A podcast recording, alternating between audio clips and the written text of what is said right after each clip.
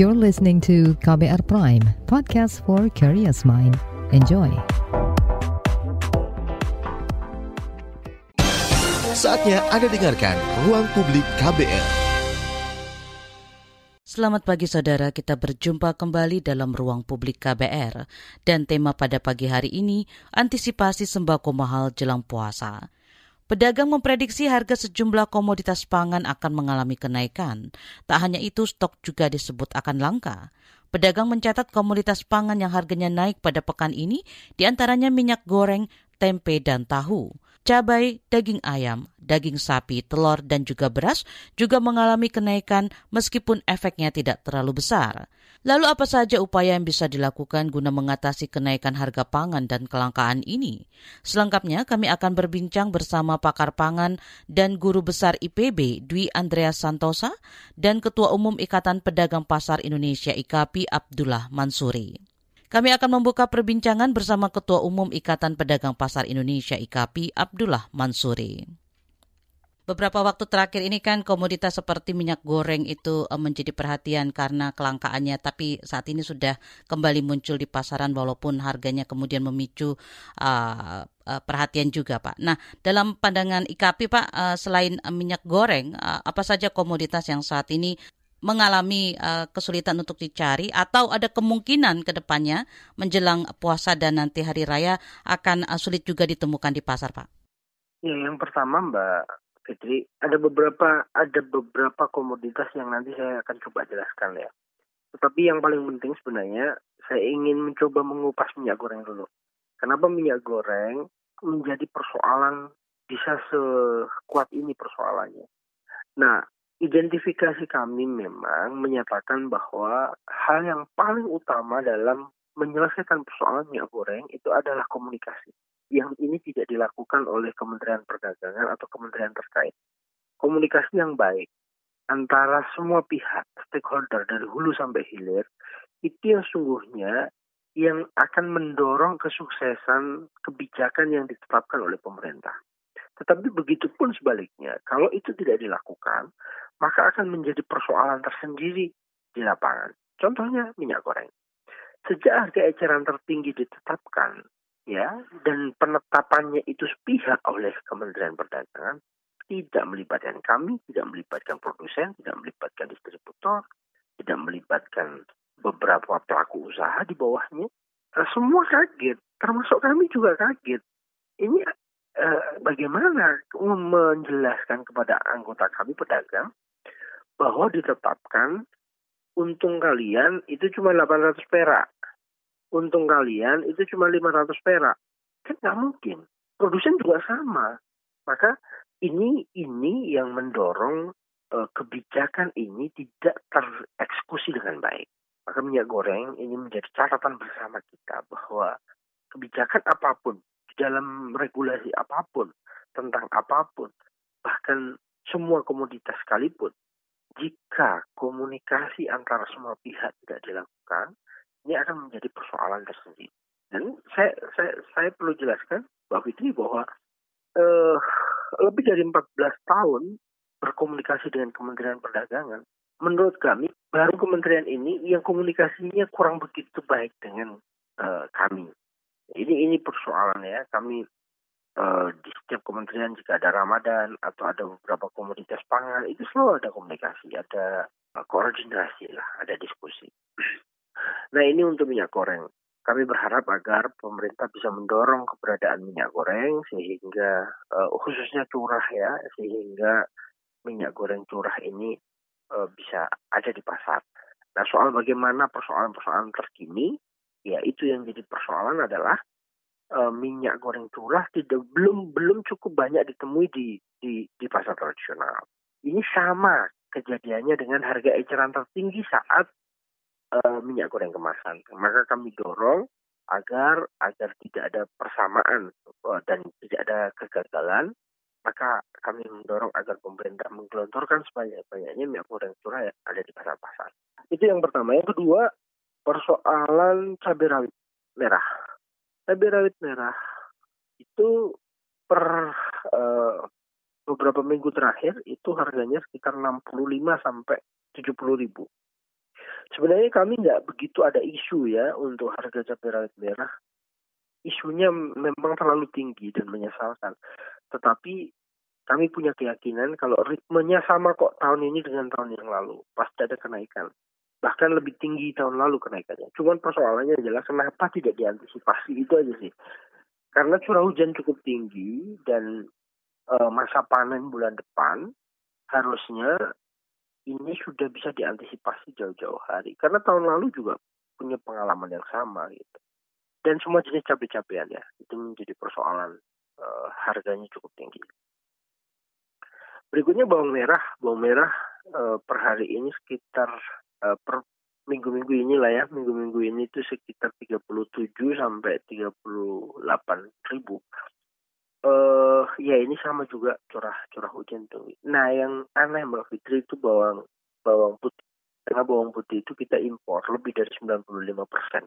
Lebih dari 95 persen.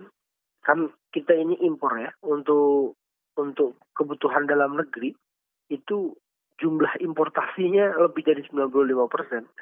Artinya memang kita bergantung pada negara luar ya dalam hal ini Tiongkok dan beberapa negara lain. Uh, harganya sekitar 34 ribu, padahal kalau normal kan sekitar 29 30. Nah ini persoalan-persoalan yang kami hadapi termasuk ayam, telur, daging dan seterusnya. Begitu. Apakah uh, ada upaya yang dilakukan pemerintah untuk mengantisipasi supaya harga ini tidak semakin tinggi memasuki bulan Ramadan dan nanti menjelang hari raya, Pak? Kalau lihat ritmenya ya, uh, kami belum bisa menyatakan bahwa pemerintah melakukan upayanya. Karena selama beberapa uh, bulan terakhir dengan kondisi yang cukup berat, tidak ada upaya apa pun dari pemerintah untuk menyelesaikan persoalan ini. Jadi ya mengikuti mekanisme pasar saja. Kalau saya uh, bisa menyatakan bahwa pemerintah me hanya mengawasi saja Biasanya kan kalau uh, uh, tren yang kita lihat ya Pak, begitu ada uh, kelangkaan barang pokok atau kenaikan harga barang pokok dilakukan operasi pasar. Nah, menurut Pak Abdullah sendiri, apakah operasi pasar itu menjadi jalan keluar yang uh, katakanlah efektif Pak setiap kali persoalan harga atau kelangkaan bahan pokok ini muncul Pak? Saya selalu sampaikan Mbak Fitri bahwa operasi pasar itu tidak ubahnya seperti pemadam kebakaran pemadam kebakaran nggak menyelesaikan masalah pada saat itu. Kadang-kadang di tempat lain juga pasti ada kebakaran lagi, ada konsleting listrik lagi. Yang perlu dicek adalah apa penyebabnya. Nah ini ini sebenarnya sama kalau perumpamaan uh, dia lagi sakit batuk tapi dikasih betadin gitu. Jadi nggak nyambung antara obat dengan uh, apa sakitnya. Diagnosanya apa dan apa obatnya. Nah, kalau kami lihat bahwa operasi pasar ini sebenarnya hanya pendorong pembantu saja. Dan itu sudah tidak lazim dilakukan. Jadi pedagang yang jualan, terus pemerintah ikut-ikutan jualan di pinggir jalan gitu, di depan pasar. Ini kan juga nggak fair. Lebih baik kami mendorong agar namanya operasi pengendalian harga. Barang yang mereka miliki jual ke pedagang dengan harga yang rendah. Ini namanya operasi pengendalian harga. Biar tetap sama mekanisme pasar berlaku. Mereka beli ke pedagang dengan harga yang kita pantau bersama. Nah, itu itu beberapa cara mekanisme untuk bisa menyelesaikan persoalan-persoalan tersebut. Jadi menurut saya tidak sama sekali tidak setuju adanya operasi pasar kalau kami mendorong operasi pengendalian harga. Karena operasi pasar tidak ada satupun komoditas yang kami pelajari yang dilakukan dengan operasi pasar itu turun harganya tidak ada. Minyak goreng curah dibuat operasi pasar di berpuluh-puluh ratus-ratus titik enggak naik, enggak turun juga. Pendekatan operasi pengendalian harga ini sendiri, Pak, uh, sejauh apa itu uh, dilakukan oleh pemerintah? Apakah itu sering dilakukan pemerintah, Pak, atau itu hanya kasuistik kalau diminta atau didorong untuk dilakukan, Pak? Iya, kami mendorong untuk semua kasus ya. Tetapi memang pemerintah ini eh, akses ke pedagangnya memang agak susah. Maka penting adanya jembatan, ada organisasi, ada eh, paguyuban, ada kelompok-kelompok pengelola pasar. Ini ini ini adalah mediasi, mediator, itu jembatan. Gak bisa mengakses langsung ke pemerintah, langsung ke pedagang. Iya mungkin bisa saja, tapi uh, akan berbeda polanya.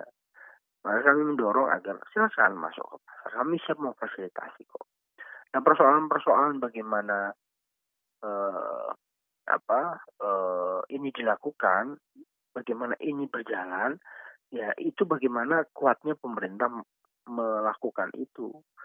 Jadi sepemahaman dulu operasi pengendalian harga atau operasi pasar. Operasi pasar itu uh, di pinggir-pinggir jalan gitu ya melakukan jualan. Uh, kalau operasi pengendalian harga menyetok pada pedagang dan membiarkan mekanisme pasar berjalan sehingga harganya bisa turun. Itu aja sih. Komitmennya kita tunggu. Ditunggu komitmennya. Karena dengan komitmen itu maka akan melaksanakan secara bersama-sama Kembali ke minyak goreng tadi Pak Abdullah, uh, kasus kelangkaan minyak goreng ini kan dimulai mendekati uh, perayaan hari besar ya Pak ya dan memang kan uh, kadang kerap kali terjadi ketika menjelang hari-hari besar, keagamaan, hari raya, Natal dan tahun baru itu kan harga-harga naik Pak. Nah tetapi kan kayaknya kasus untuk minyak goreng ini cukup panjang ya Pak ya le lewat dari hari besar dia masih menjadi persoalan. Apakah hal yang sama akan mungkin terjadi katakanlah kepada gula pasir misalnya atau terigu begitu yang bahan-bahan yang menjadi uh, kebutuhan pokok mungkin untuk membuat kue di hari raya begitu Pak? Sangat mungkin. Setiap Natal, Tahun Baru, Lebaran, Ramadan itu beberapa komoditas yang cukup naik dan uh, tinggi itu adalah komoditas seperti terigu, terus untuk gula masih ya 14 ribu sekian, tapi memang ada ritme naik tapi nggak nggak nggak terlalu tinggi. Tapi permintaannya kami pastikan bisa naik tinggi. Beberapa komoditas itu memang punya kebiasaan naik karena mem memang ya momen Ramadan ini adalah momen di mana pedagang ini sebenarnya panen karena kebutuhan masyarakat jauh lebih tinggi dibanding hari-hari biasa, bahkan bisa 100 persen. Eh, termasuk beberapa komoditas tadi. Ada kenaikan? Kemungkinan ada. Pak Abdullah, saya ingin menyinggung juga soal pernyataan uh, Menteri Perdagangan yang menyebut kebingungan mengenai keluhan tingginya harga minyak dan menanyai ibu-ibu mendingan sembako hilang dan harganya murah atau stok ada tetapi harganya mahal. Tanggapan Anda, Pak? Pertama, kebalik. Harusnya yang ditanyai adalah produsen, distributor, pedagang pasar.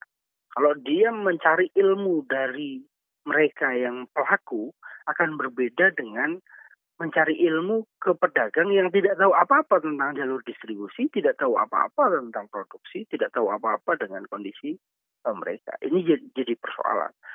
Harusnya kebalik. Kebalik. Pertama ditanyakan dulu dari hulu sampai hilirnya, setelah itu baru ditanyakan ke publik, ke masyarakat, puas nggak dengan kerja yang dilakukan, puas nggak dengan hasil. Kalau kurang, balik lagi tanya lagi ke mereka, bagaimana harusnya begini.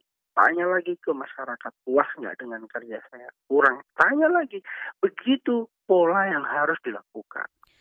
Jangan ke mana-mana, tetap di ruang publik KBR. Masih Anda dengarkan Ruang Publik KBR. Commercial break. Commercial break.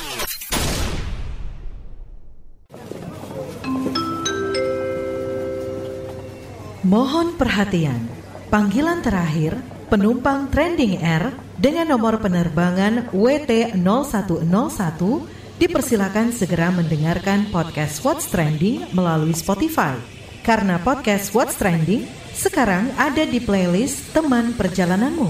Selamat menikmati. Terima kasih.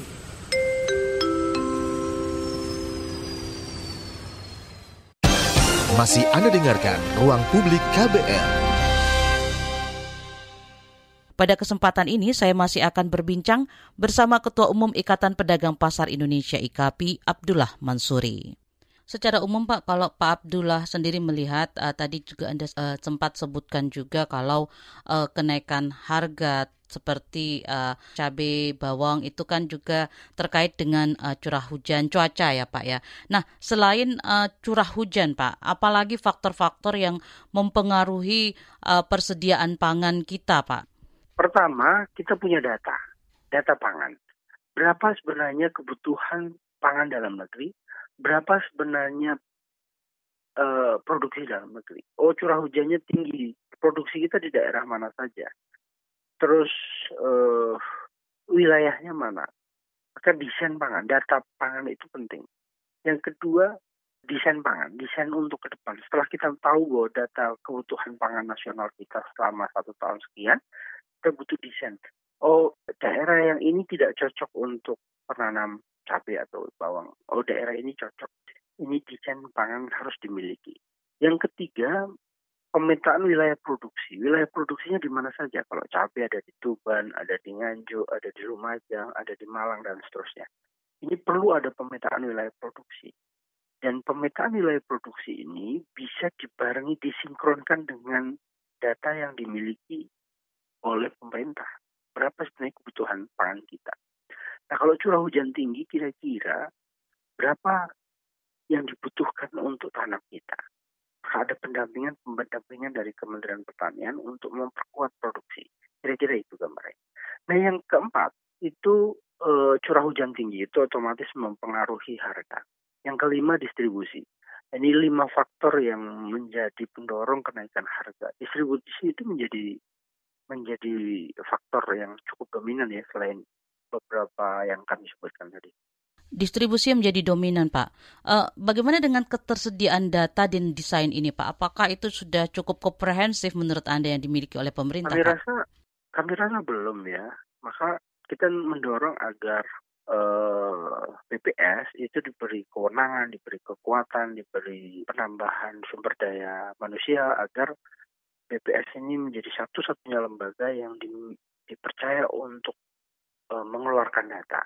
Kan biasanya kalau kita tahu IKP punya data sendiri, Kemendak punya data sendiri, Kementan punya data sendiri, dan data itu masing-masing untuk dirinya sendiri gitu. Maka biarkan BPS uh, eh, yang mengeluarkan data yang kita sepakati untuk kita percaya bersama, tetapi harus dengan cara menambah anggarannya, menambah sumber daya manusianya.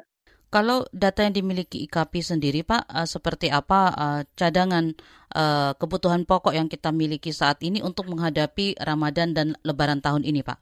Ya, kami nggak memiliki data. Semua data di semua komoditas ya, tetapi uh, beberapa komoditas yang kami yakini bahwa akan mengalami penurunan yaitu cabai, cabai rawit ya setelah 70 ribu sekarang sudah 60 sekian ribu. Kita tunggu beberapa daerah panen.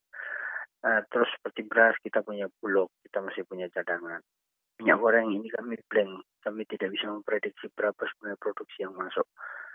Uh, bawang putih kami punya data karena rata rata-rata impor ya. Uh, daging sapi juga ini mengkhawatirkan. Ini terjadi juga di beberapa tahun terakhir daging sapi ini hmm, selalu ada persoalan setelah Lebaran atau sebelum Lebaran. Bawang merah juga punya punya kesamaan walaupun akan ada kenaikan. Beberapa komoditas tersebut akan ada kenaikan karena ada hukum ekonomi ya di mana banyak permintaan maka akan ada juga kenaikan dan itu akan terjadi.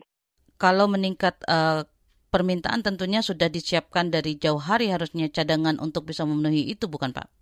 Masalahnya itu yang kami sebutkan bahwa kita tidak punya grand design pangan yang baik. Jadi ketika permintaan naik, nampak kemudian kelihatan terjadi kelangkaan begitu ya Pak ya, karena tidak uh, sama antara uh, pasokan dan permintaan pasokan begitu ya Pak. Ya. Hmm. ya. Nah, untuk uh, daerah Pak, dalam catatan IKP, daerah-daerah mana yang uh, kemudian uh, akan nampak sekali mencolok uh, kondisi kekurangan akan beberapa uh, bahan uh, pokok Pak? Kami klasifikasikan di dua dua klasifikasi. Yang pertama adalah wilayah dengan permintaan tertinggi. Ini kami anggap eh, klasifikasi pertama ini penting karena ini akan mempengaruhi banyak daerah. Itu adalah Jabodetabek Plus. Jakarta, dan seterusnya, Jabodetabek Plus. Ini penting untuk uh, disiapkan karena cukup besar permintaannya, konsumtif, dan memberikan informasi yang cukup cepat di wilayah ini. Jadi informasi cukup cepat di wilayah ini akan mempengaruhi daerah jika ada kelangkaan-kelangkaan beberapa komoditas. Yang kedua, wilayah timur, wilayah yang distribusinya cukup sulit, seperti Papua, Ambon, di beberapa WNTT, wilayah timur, yang distribusinya melalui beberapa jalur dan uh, cukup panjang distribusinya. Nah, beberapa daerah di luar ini selalu lebih tinggi harganya dengan di Jakarta. Kenapa? Karena memang uh, proses distribusinya cukup tinggi. Nah, kami men mengklasifikasikan di dua dua kelompok ini. Maka kami kita harus mendorong agar uh, keberadaan komoditas-komoditas pangan itu fokus pada dua kelompok itu. Apakah tempat lain penting? Ya sangat penting. Tetapi rata-rata di tempat lain itu sudah punya produksi sendiri. Jadi katakanlah di uh, Sumatera Barat. Sumatera Barat ada ada apa ada cabai ada uh, produksi sendiri jadi mungkin juga uh, produksi yang dilakukan oleh daerah itu juga akan membantu ketika uh, distribusi nasional tidak bisa mencukupi begitu ya Pak ya? Nah, ya itu subsidi uh, yang apa uh, distribusi ya. Ini yang ini yang kami dorong jika memang ada kementokan di beberapa komoditas di Jabodetabek. Untuk uh, kalangan pedagang sendiri, Pak, selain uh, saat ini stok yang uh, tidak mencukupi untuk mungkin beberapa uh, bahan pokok begitu untuk menghadapi Ramadan dan uh, Idul Fitri. Apalagi Pak persoalan uh, yang dikeluhkan oleh pedagang pasar khususnya mendekati puasa dan Lebaran ini, Pak. Iya, uh, persoalan klasiknya adalah permodalan ya karena harganya cukup tinggi modal kita yang terbatas maka pembelian kita juga terbatas penjualan kita juga terbatas maka penting ada permodalan di awal biasanya di awal-awal menjelang puasa begini kita sudah mulai kasak kusuk tuh uh, pinjemin sertifikat di bank mulai dari cari pinjaman untuk belanja dan seterusnya ini memang selalu terjadi ini ritme tahunan dan kami berharap ada koperasi pasar ada perbankan ada apa program-program pemerintah yang bisa dimanfaatkan oleh pedagang untuk bisa menambahkan modal itu sih. Untuk program uh, insentif dari pemerintah sendiri untuk pedagang pasar untuk uh, pandemi ini seperti apa, Pak? Uh, kalau nggak salah sudah sudah stop ya. Sudah stop ya, Pak ya. Tapi sebelumnya ada, Pak? Uh, ada. Jadi gini, uh, banyak keluhan juga ini karena memang Eh, datanya tidak sinkron dengan data yang dimiliki oleh pemerintah. Maka kami akan mencoba menyambungkan kepada pemerintah untuk mengupgrade ini loh sebenarnya data pedagang ini yang harus di di-upgrade. Gitu. Beberapa apa program ini diharapkan bisa didorong untuk bisa masuk ke pemerintah dalam pengamatan IKP sendiri, apakah persoalan minyak goreng ini masih terus akan berlangsung beberapa waktu ke depan dan bagaimana supaya ini tidak terjadi juga kepada bahan-bahan pokok lainnya? Ya, yang pertama kami minta agar pemetaan wilayah produksi dan desain pangan itu bisa dilakukan dengan baik untuk beberapa tempat, beberapa komoditas yang memang diproduksi dalam negeri.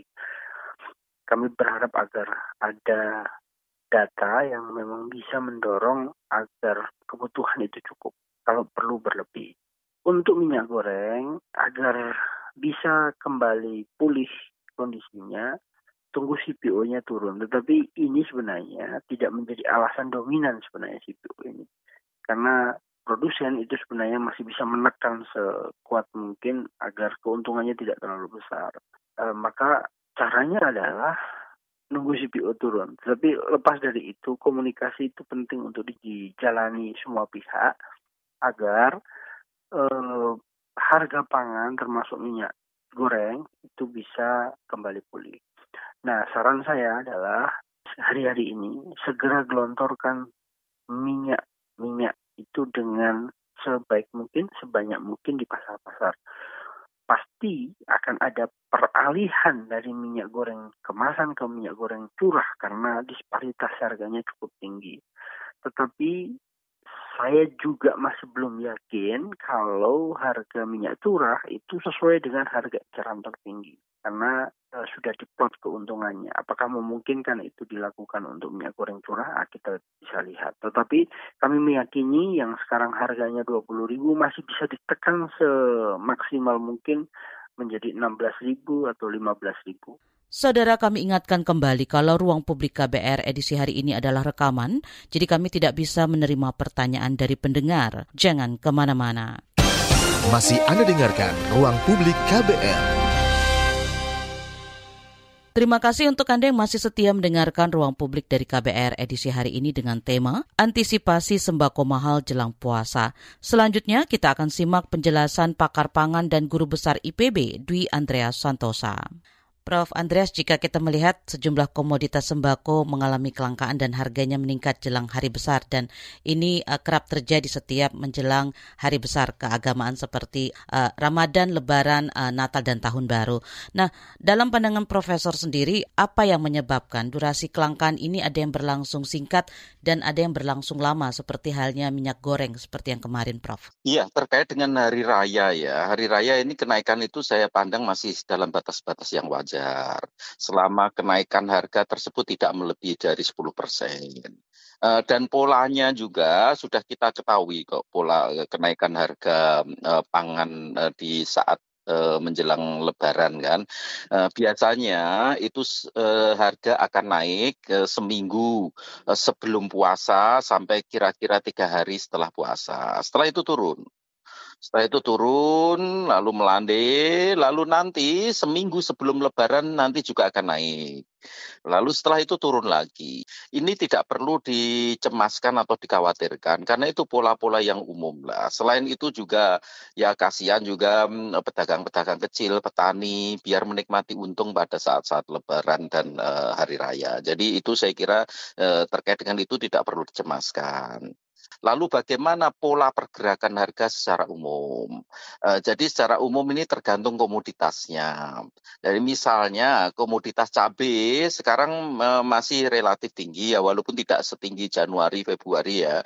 Uh, dan ini ada tren akan menurun sehingga nanti pada hari raya masyarakat tidak perlu cemas terkait dengan ketersediaan cabai. Nah, baru nanti naik lagi uh, ya sekitar bulan Juli, Agustus itu nanti akan naik lagi. Tapi ini trennya akan turun. Itu. Nah, yang uh, trennya akan mencapai puncak pada hari raya itu bawang merah.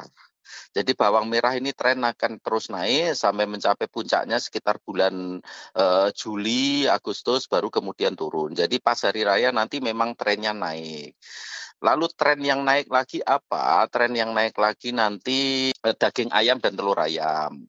Jadi daging ayam dan telur ayam ini tren saat ini ini turun, turun nanti mencapai titik terendahnya sekitar uh, bulan depan kira-kira uh, trennya masih menurun. Nah, walaupun sekarang penurunannya tidak sedrastis sebelum-sebelumnya ya, uh, jadi penurunannya um, agak tidak terlalu tajam. Karena apa? Karena memang harga pakan yang naik tinggi selama dua tahun terakhir ini. Jadi itu lalu kemudian uh, akan naik lagi justru nanti pada saat hari raya uh, dua uh, kebutuhan pokok tersebut akan naik. Uh, jadi tidak heran nanti kalau masyarakat mengeluh, loh ini selesai hari raya kok harga telur dan ayam masih terus naik. Itu pasti akan terjadi. Uh, dan itu akan naik mencapai puncaknya juga nanti sekitar bulan Juli, Agustus, September nanti mulai turun lagi. Jadi itu uh, pola uh, tahunan beberapa komoditas yang diproduksi di Indonesia. Nah, lalu yang kedua adalah komoditas-komoditas eh, pangan pokok yang tidak diproduksi oleh petani Indonesia. Nah, kalau itu ya sangat sulit kita kontrol kan. Yang mengontrol siapa? Kedelai yang mengontrol ya Cicago Board sana kan yang mengontrol harga. Jadi itu yang akan sangat sulit kita kendalikan ketika barang-barang komoditas-komoditas tersebut porsi impornya sangat tinggi. Tapi terkait dengan uh, bahan pangan yang uh, tidak atau sedikit diproduksi dari dalam negeri tetapi lebih banyak dari impor begitu Prof. Uh, seperti apa mencegahnya supaya tidak terjadi kelangkaan seperti sebelumnya dengan kedelai dan uh, juga ada informasi mungkin akan terjadi pada bawang putih Prof. Oh iya, iya itulah. uh, kan bahan komoditas pangan ini sumbernya kan hanya ada dua Yang pertama adalah sumber eh, dari produksi petani dalam negeri, yang kedua produksi petani juga, tapi petani Amerika, Argentina, Brasil dan sebagainya itu kan sumbernya kan hanya ada dua. Ya satu lah sumbernya dari petani gitu, petani dari mana? Enggak mungkin bahan pangan ini jatuh sendiri dari langit. Jadi ya kalau kita mau mengatasi itu ya bagaimana upaya keras kita harus kita lakukan supaya produksi dalam negeri meningkat. Itu upaya yang bisa kita lakukan. Kalau tidak, ya sudahlah. E, katakanlah gandum 100% kita impor, kan? Dan gandum itu lonjakan impornya luar biasa tinggi. Kita merupakan importer gandum kedua terbesar setelah Mesir. Kan? Eh, lalu kemudian bawang putih 100% kita impor. Kalau menyatakan ada yang 95% dan sebagainya ya nggak benar aja lah. 100% kita impor. Itu pun ada bawang putih lanang yang diproduksi petani-petani Karanganyar itu, tapi itu kan tidak masuk dalam konsumsi uh, umum masyarakat kan. Lalu kedelai kedelai ini meningkat dari eh, 92 persen tahun 2020, tahun 2021 kemarin impornya eh, 97 persen. Jadi 97 persen kebutuhan kedelai kita harus kita penuhi dari luar negeri.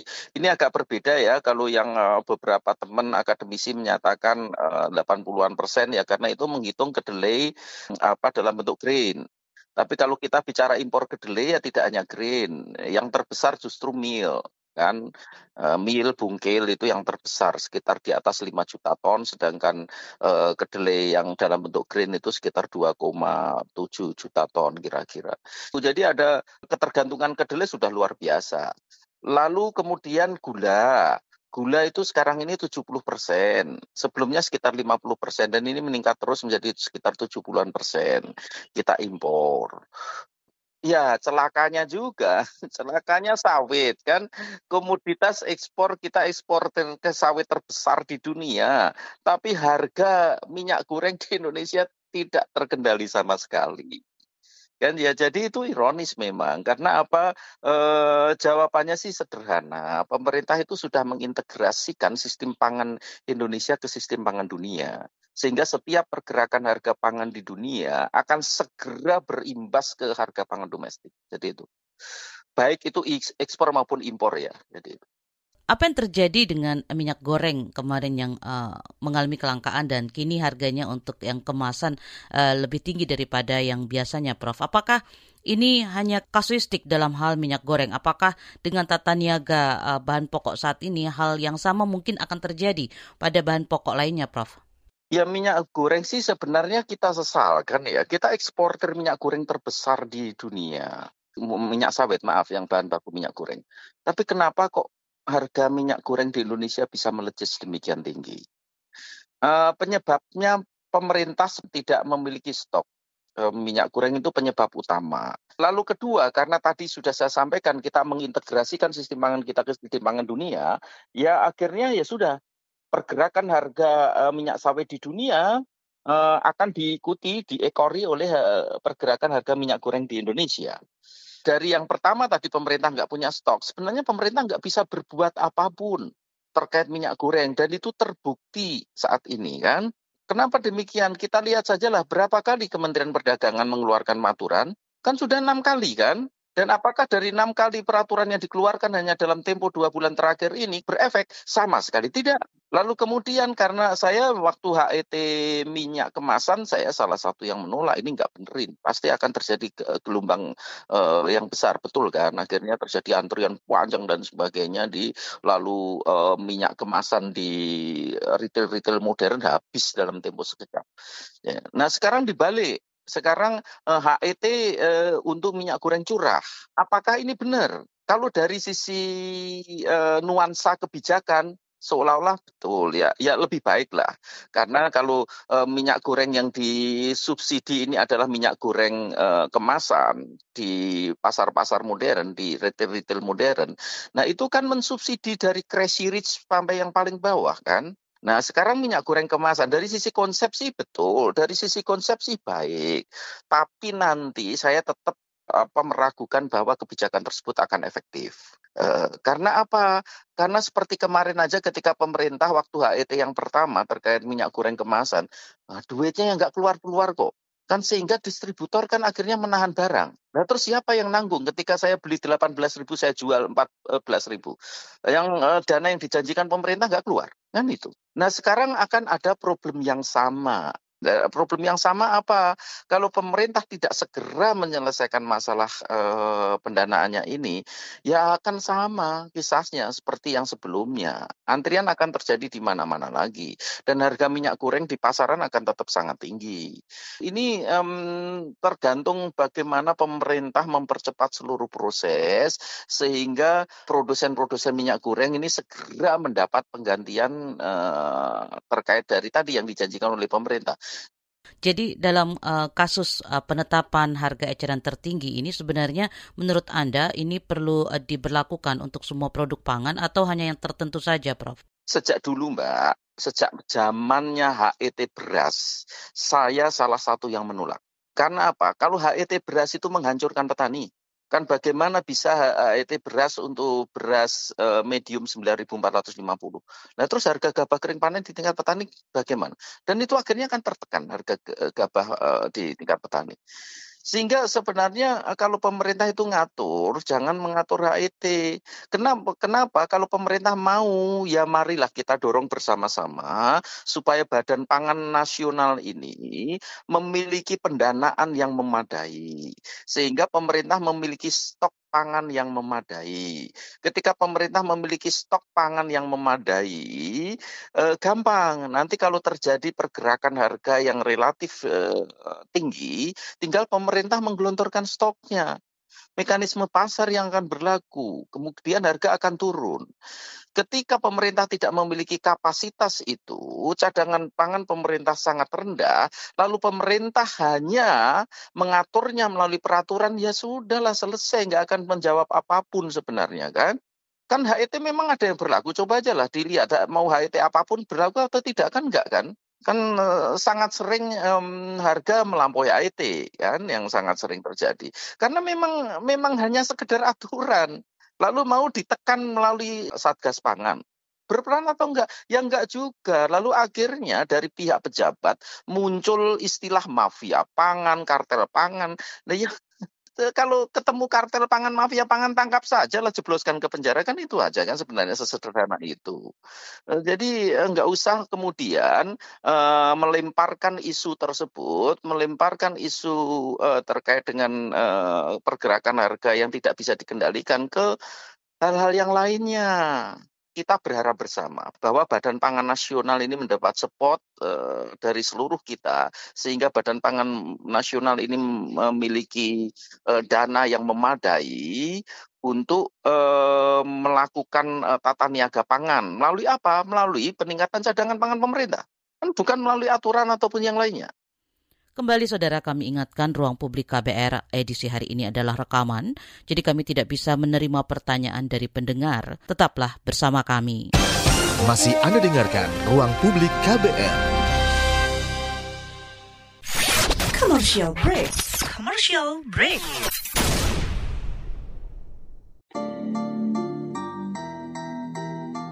Come on yo, buat yang sukanya berhoax, you better listen to this one. Check this one out, yo. Hati-hati kalau baca kabar hoax. Jangan langsung disebar kabar yang hoax. Kalau mau tahu kabar benar atau hoax, dengerin cek fakta yang pasti bukan hoax. Dengerinnya setiap Senin yang jelas bukan hoax. Cuma ada di kbrprime.id dan aplikasi podcast lainnya. Hoax. Sudah cukup-cukup hoaxnya? Hoax. Cukup. Jaga emosi, tahan jari, verifikasi sebelum dibagi. Saya Aribo Sasmito, Ketua Komite Pemeriksa Fakta Mafindo.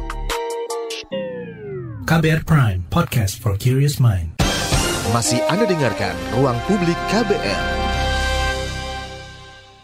Di segmen ini kami masih akan berbincang bersama pakar pangan dan guru besar IPB Dwi Andreas Santosa.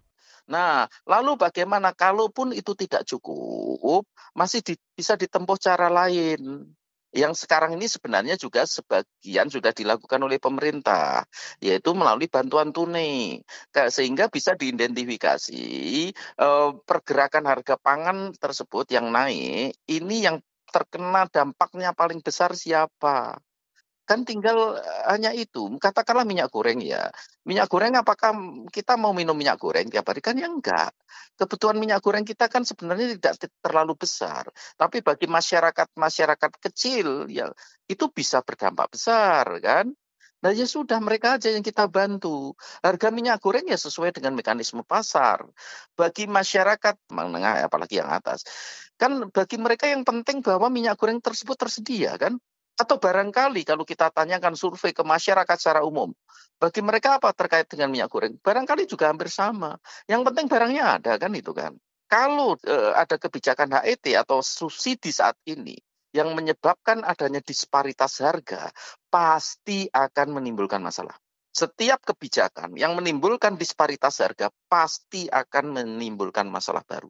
Sehingga yang paling penting sebenarnya membantu masyarakat-masyarakat yang langsung terkena dampak ini. Ya sudah bantuan tunai. Dan itu di mana pun juga akan seperti itu. Yang disebut sebagai social safety net itu kan. Jaring pengaman sosial. Jadi Nah, salah satu yang dilakukan pemerintah juga terkait dengan minyak goreng kemarin kan dan juga dilakukan uh, dengan produk-produk lainnya ketika terjadi kelangkaan dan kenaikan harga kan operasi pasar ya, Prof ya. Apakah menurut Anda ini juga efektif, Prof? Pertanyaannya, Mbak operasi pasar yang mampu dilakukan pemerintah itu seberapa besar sih? Nggak akan efektif. Di mana pun sejak dulu kala ketika ada operasi pasar daging, operasi pasar itu, kenyataan yang ada tidak efektif. Sehingga yang bisa kita lakukan, marilah kita bantu, kita tolong masyarakat yang paling terkena dampak tersebut. Udah melalui bantuan bantuan tunai, kan? Nah, kalau operasi pasar menjadi satu solusi, pemerintah harus memiliki stok yang memadai. Kalau hanya operasi pasar kecil-kecilan ya tidak akan berpengaruh terhadap harga lah. Kan itu. Tapi kalau pemerintah punya stok katakanlah 10% untuk setiap komoditas yang akan diatur oleh pemerintah. Nah itu efeknya besar. Kalau digelontorkan saja 5% itu pasti akan menurunkan harga. Tapi kalau hanya operasi pasar, pemerintah nggak tahu ngambil dari mana lalu dijual di pasar, ya nggak akan menjawab apa pun cara seperti itu ketika terjadi kelangkaan dan kenaikan harga atas satu bahan pokok, Prof. Selain konsumen, sebenarnya pihak mana lagi yang akan mengalami kerugian dan dirugikan dalam hal ini, Prof? Ya sebenarnya eh, kenaikan harga ini eh, tergantung ya, tergantung komoditasnya. Kalau itu komoditas yang eh, sebagian besar kita impor, ya sudah barang tentu yang terkena semuanya lah ya, ya dari konsumen ya pasti. Yang seneng ya yang petani-petani di luar negeri sana kan, karena harga yang tinggi kan. Nah, uh, sekarang bagaimana kalau kenaikan harga itu terjadi di komoditas-komoditas yang diproduksi petani di Indonesia? Nah, kalau menurut saya, sekali-sekalilah kita membahagiakan petani. Kan gitu kan. Karena selama ini kebijakan yang dilakukan, itu ketika harga naik, pemerintah melakukan intervensi, menekan sedemikian rupa supaya harga turun. Tapi ketika harga di level usaha tani rendah, seolah-olah kita tidak berbuat apa pun membiarkan mereka eh, kisah itu terjadi di hampir semua komoditas eh, yang diproduksi oleh petani Indonesia kan entah itu beras kan kalau katakanlah harga beras nanti naik terus ya solusinya impor kan apalagi disparitas eh, harga beras luar negeri dengan kita relatif jauh kan. Uh, jadi solusinya seperti itu. Lalu kemudian um, kalau terjadi komoditas-komoditas lain Ya coba pemerintah coba-coba nyari itu tadi kan uh, siapa yang bermain dan sebagainya seperti itu. Misalnya telur ayam, daging ayam. Nah, tapi ketika harganya rendah sekali dan merugikan di tingkat peternak kecil maupun petani, seolah-olah kita tidak berbuat apa pun. Jadi itu. Jadi kalau saran saya eh, yang paling penting bagaimana mempertahankan harga eh, di tingkat usaha tani yang wajar. Kalau seperti yang sekarang ini ya saya hanya bisa menghimbau konsumen. Kalau itu diproduksi petani dalam negeri ya sudahlah, itu tertransformasi dengan baik kok. Dalam arti seperti kalau kasus cabai ya, ketika harga cabai pernah sampai di atas 100 ribu di Jakarta, eh, di sedulur-sedulur kami, petani-petani cabai di Jawa Timur sana, harganya itu 70 ribu sampai 80 ribu. Jadi juga amat sangat menguntungkan bagi petani-petani cabai. Jadi itu uh, untuk menutupi apa? Menutupi kerugian ketika harga mereka jatuh, drop. Nah, lalu memang uh, yang pertanyaan paling besar dalam tata kelola pangan, bagaimana fluktuasi tersebut tidak terlalu besar kan di sana kan? Uh, fluktuasi antara harga tertinggi dan terendah itu tidak terlalu besar. Nah, sebenarnya kalau saya sih uh, mengusulkan bagaimana diatur supaya pergerakannya harganya ke atas. Jadi fluktuasinya fluktuasi yang di atas itu, bukan uh, lonjakannya bawah ke atas itu terlalu tinggi. Jadi kita pertahankan pada fluktuasi, tapi fluktuasi pada level harga yang uh, menguntungkan bagi usaha tani itu dua tahun lalu kita sempat uh, berbincang soal uh, apa tata kelola pangan kita juga terkait dengan awal pandemi waktu itu kalau Prof uh, Andreas ingat ya. Dalam dua tahun perbincangan kita ini Prof, apakah ada uh, perbaikan yang signifikan dari uh, tata kelola pangan kita Prof? Ya gini ya, um, memang uh, kasusnya agak lain ya. Karena waktu di awal pandemi saya menyatakan dengan tegas bahwa krisis pangan tidak akan terjadi. Dan kemudian diikuti oleh apa? Harga pangan yang menurun kan bahkan uh, tidak hanya di luar negeri di Indonesia pun juga kan beberapa kali terjadi deflasi pangan kan itu itu mulai bulan Januari sampai Mei 2020 jadi indeks harga pangan dunia menurun, eh, harga pangan di Indonesia juga mengalami penurunan. Karena apa? Barangkali masyarakat terkaget-kaget dengan situasi itu kan sehingga terjadi eh, penurunan mobilitas masyarakat, terjadi penurunan konsumsi eh, sehingga menurun. Lalu mulai Mei setelah masyarakat dunia dan Indonesia juga uh, sudah mulai bisa mengantisipasi apa yang harus dilakukan, harga pangan naik terus. Jadi harga pangan dunia saat ini itu terbesar sepanjang 40 tahun terakhir tertinggi sepanjang 40 tahun terakhir. Jadi indeks pangan dunia saat ini itu melebihi ketika kita terjadi uh, krisis pangan dunia di tahun 2007, 2008 dan 2011. Sedikit lebih rendah uh, dibanding dengan ketika terjadi krisis pangan dunia tahun 73 sampai 75 ketika terjadi uh, perang Arab Israel. Jadi itu jadi memang dari sisi indeks harga pangan dunia itu lonjakannya sangat tinggi. Eh, dan itu mengerek berbagai komoditas. Sekarang ini tadi uh, disinggung juga terkait bawang putih sebenarnya nggak akan nggak terganggu ya, tapi bawang putih ikutan naik ini terakhir-terakhir ini yang harus diperhatikan juga. Padahal bawang putih kan produksi memadai kan, nggak ada masalah sama sekali, tapi ikut-ikutan naik. Lalu bagaimana terkait Indonesia ya uh, kita bersyukurlah karena apa komoditas pertanian ini sektor pertanian ini kan relatif tidak begitu terpengaruh oleh pandemi ya sehingga uh, menjadi salah satu sektor yang tumbuh positif terus selama masa pandemi. Terus juga kita mengalami windfall terkait harga minyak nabati dunia yang meningkat sangat tajam. Dalam bentuk apa ya ekspor minyak sawit kita kan e, tahun 2021 kemarin itu hanya minyak sawit saja sudah menyumbang devisa 430 triliun. Jadi jadi sangat besar. Dan itu ya kita syukurilah. Nah memang kalau terkait dengan e, apa kendali harga pangan pokok di Indonesia ya seperti tadi e, selama pemerintah tidak memiliki political will yang kuat untuk memperkuat cadangan pangannya, ya sudah barang tentu tidak akan ada perbaikan yang berarti. Jadi itu sebenarnya yang sangat penting. Ya, jadi eh, apakah terjadi perbaikan atau tidak? Ya sama saja praktis tata kelola pangan di Indonesia di awal pandemi sampai sekarang. Saudara demikian ruang publik KBR pagi ini dengan tema antisipasi sembako mahal jelang puasa.